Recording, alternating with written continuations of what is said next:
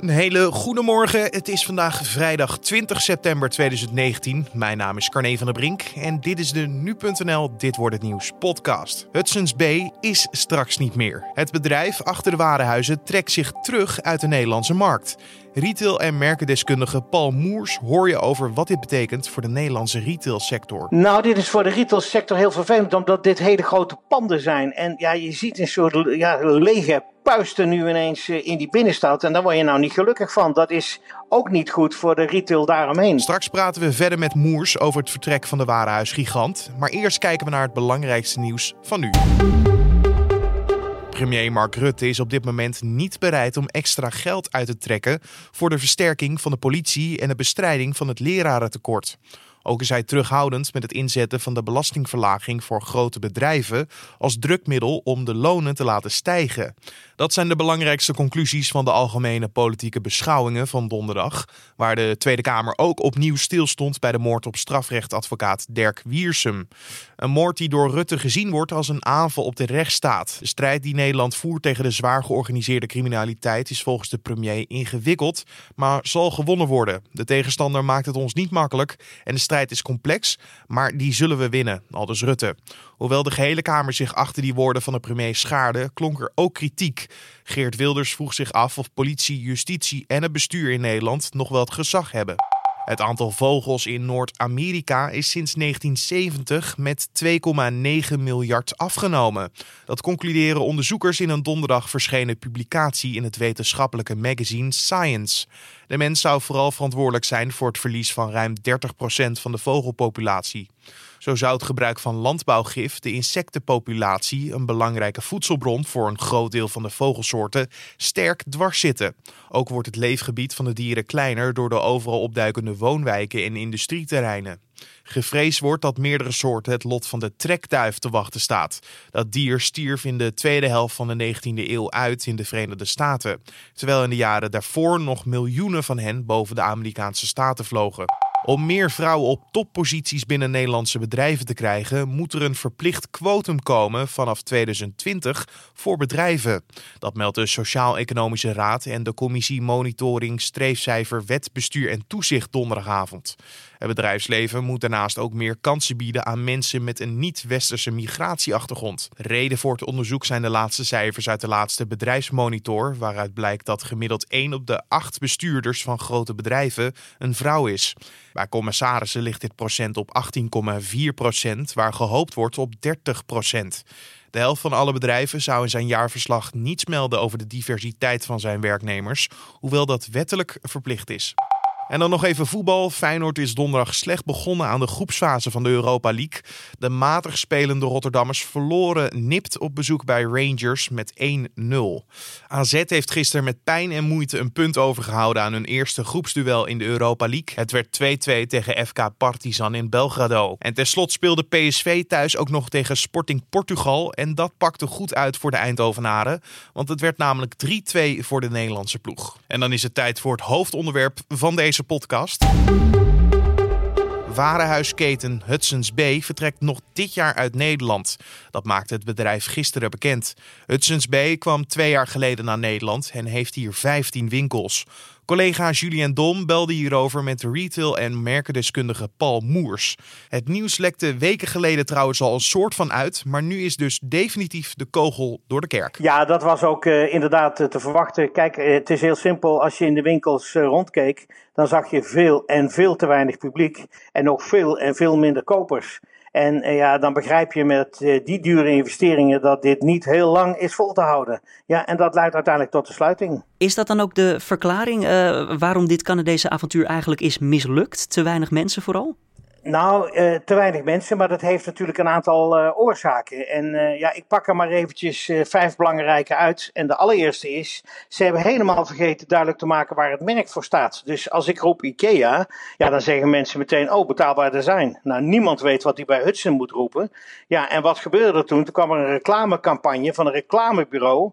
En die kreeg die luide het nieuwe warenhuis. Ja, dat zegt helemaal niets. En dat is natuurlijk eigenlijk een schande geweest dat een reclamebureau dit opgeleverd heeft. En dat de directie het niet afgeschoten heeft. Ja. Nou, het tweede is, ja, zij beginnen drie landen tegelijk. Hè? Dus dat is België, Duitsland en Nederland.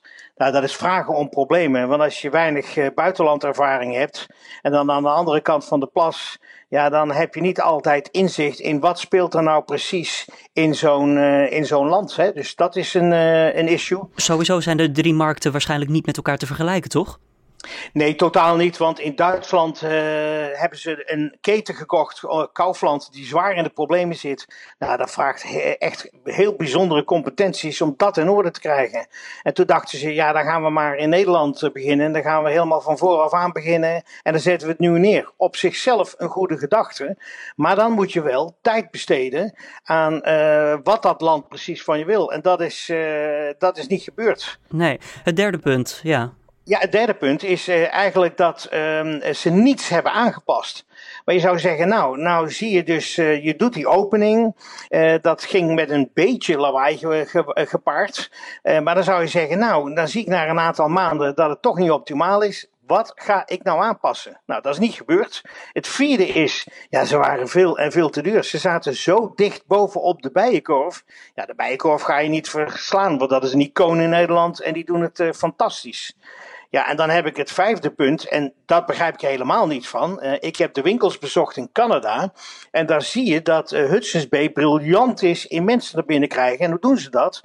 Hele goede acties neerzetten, uh, waarbij je dus echt kwaliteit tegen een scherpe prijs kunt kopen. En ik snap niet, als je daar in Canada zo goed in bent, dat je niet helemaal in het begin dat in je winkels ook doet, zodat je de mensen naar binnen lokt, dat je mensen duidelijk maakt wat je te bieden hebt.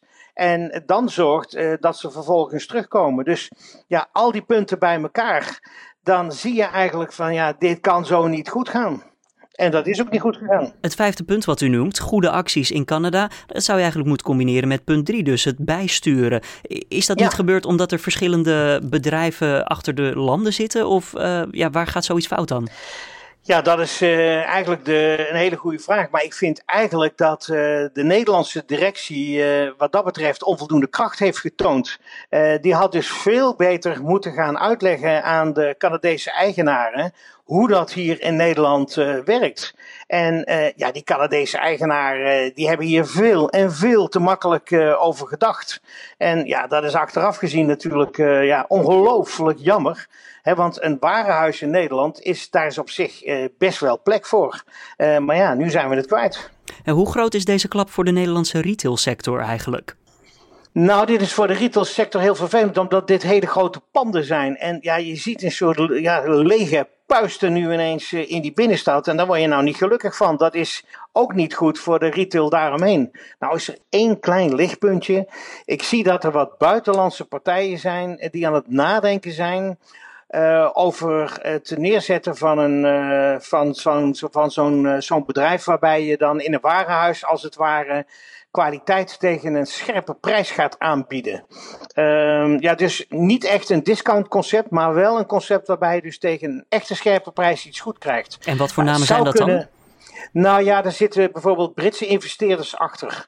En het zou best kunnen zijn dat zij zeggen: laten we in uh, Nederland uh, eens kijken of we met zo'n experiment in een van die panden van Hudson's Bay zouden kunnen slagen. Daar moet er wel één ding gebeuren. De vastgoedbezitters in Nederland, die denken allemaal dat de bomen tot in de hemel groeien. Maar we zien allemaal dat die retail in Nederland het moeilijk heeft. En uh, als dat zo is, ja, dan moet je toch eens gaan nadenken over de huurprijzen. En we zien de eerste signalen al in de Kalverstraat, bijvoorbeeld in Amsterdam, waar die enorme huren gewoon niet zijn vol te houden. Ja, en dat zal dus voor de panden van Hudson's Bay ook gaan gelden. Daar zul je iets gaan uh, moeten doen aan de prijs. Om even een soort van beeld te krijgen, hoeveel betaal je voor een vierkante meter in de binnenstad van Amsterdam? Oh, dat de... op dit moment, da, nee. dat, is, dat, dat hangt helemaal uh, van het gebouw af en de plek uh, waar je zit. Maar nee, dat is geen pijl op te trekken. Maar het, het, lastigste is dat je omzet moet tegenwoordig in, in dat soort straten zo verschrikkelijk hoog zijn.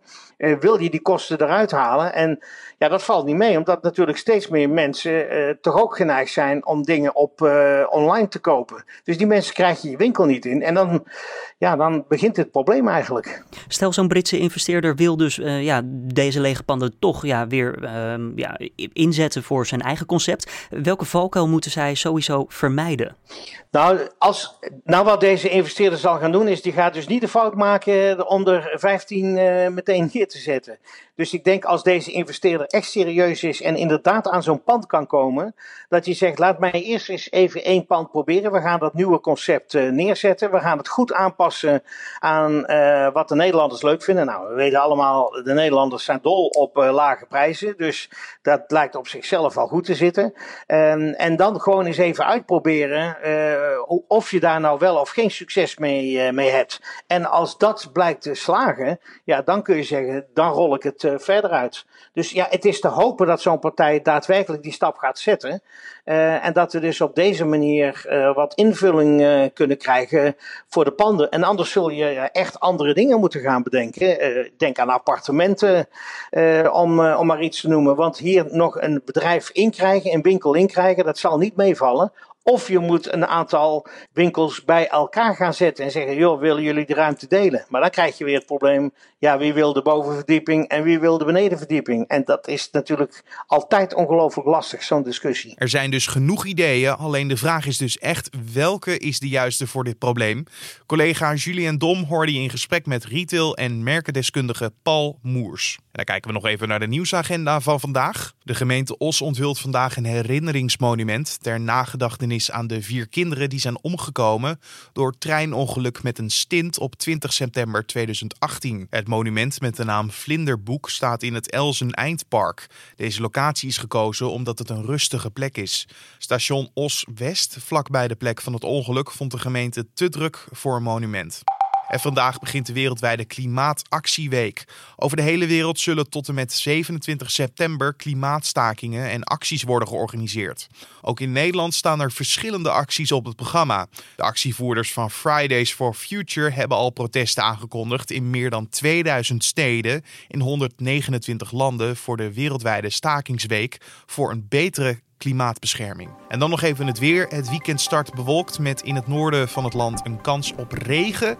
In de loop van de dag kan het enigszins opklaren en breekt de zon meer door. Het wordt vandaag 17 tot 20 graden. En om af te sluiten nog even dit.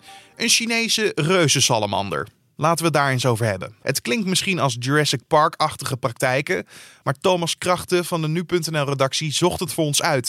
Want Thomas, kunnen we het vergelijken met Jurassic Park? Nou, het gaat wel om dieren tussen de 3,1 en 2,4 miljoen jaar oud. Maar om het nou echt Jurassic Park te noemen, het is niet baanbrekend. We wisten dat de Chinese reuzensalamander bestaat en dat die ontzettend groot is. Alleen hebben ze nu uh, ontdekt dat het niet om één specifieke soort gaat, maar om drie soorten. Waarvan er eentje waarschijnlijk het groot, de grootste amfibie is die op aarde leeft. De grootste op aarde? Hoe groot is zo'n beest dan wel niet? Het record staat op 1,8 meter. Dat, dat is echt best wel enorm volgens mij. Dat is niet de salamander die je op je vakantiebestemming af en toe langs ziet lopen. Nee, dit is, uh, dit is formaatje ja, gemiddeld mens eigenlijk. Hoe kunnen we hem een beetje herkennen? Hoe ziet hij eruit? Behalve dan dat hij natuurlijk groot is zoals je een normale salamander voor je ziet, alleen aanzienlijk, aanzienlijk groter, een beetje rodig van kleur. Als je hem van de bovenkant bekijkt, is het een soort van dikke lepel met poten. Een redelijk platte, rondige kop, langwerpig lichaam. Maar uh, hij zit toch geconcentreerd in China. Hij was ooit bij verspreid en sindsdien is hij ernstig met uitsterven bedreigd. Maar dus de kans dat je hem gemiddeld op vakantie op de camping eventjes voorbij ziet schieten is uh, miniem. En hoe hebben ze deze salamander dan nu ontdekt eigenlijk, Thomas? Nou, er lagen meerdere exemplaren in het uh, London Natural History Museum. En die hebben ze onderzocht op basis ook van DNA. En toen ontdekten ze op basis van genetisch onderzoek dat er verschillen zaten tussen die soorten. En dat er dus eigenlijk meerdere varianten op de Chinese reuzensalamander zijn. Een bijzonder wetenschappelijk nieuwtje zo voordat je misschien aan je laatste werkdag van deze week begint. Dankjewel Thomas Krachten van de Nu.nl redactie. En dit was dan de Dit Wordt Het Nieuws podcast voor deze vrijdag 20 september. Je kan ons laten weten wat je van deze podcast vindt door een mailtje te sturen naar podcast.nu.nl of je kan een recensie achterlaten in iTunes. Mijn naam is Carne van der Brink. Vanmiddag gaan we weer met z'n allen in de studio zitten voor de Week van Nu, onze openbare redactievergadering. Die kan je ergens in de loop van de middag vinden op nu.nl en natuurlijk in deze podcastfeed. Dan kan ik alleen nog maar zeggen: een mooie dag, een mooi weekend. Ga genieten van de Week van Nu vanmiddag en tot maandagochtend.